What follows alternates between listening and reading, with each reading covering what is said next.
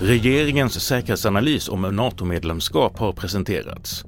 Ukraina säger sig ha dödats 1000 ryska soldater i en enda attack och så har två personer häktats för misstänkta föremålet som spärrade av centrala Stockholm.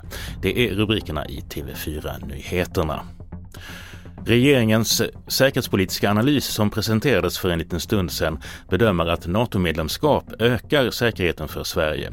Det blir ett viktigt underlag för Sveriges NATO-beslut. Den nya säkerhetsanalysen har tagits fram tillsammans med riksdagspartierna och presenterades vid en gemensam pressträff.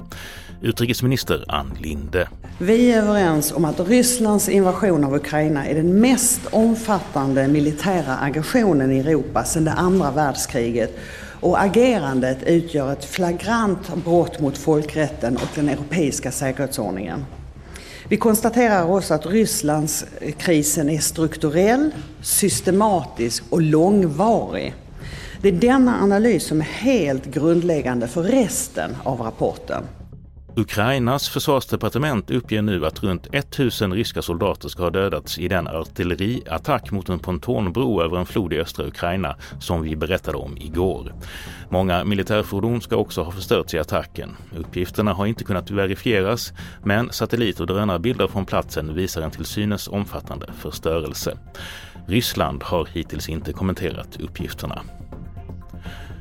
Två personer i Stockholm har begärts häktade misstänkta för förberedelse till mord efter att området runt centralstationen spärrades av under flera timmar på tisdagskvällen.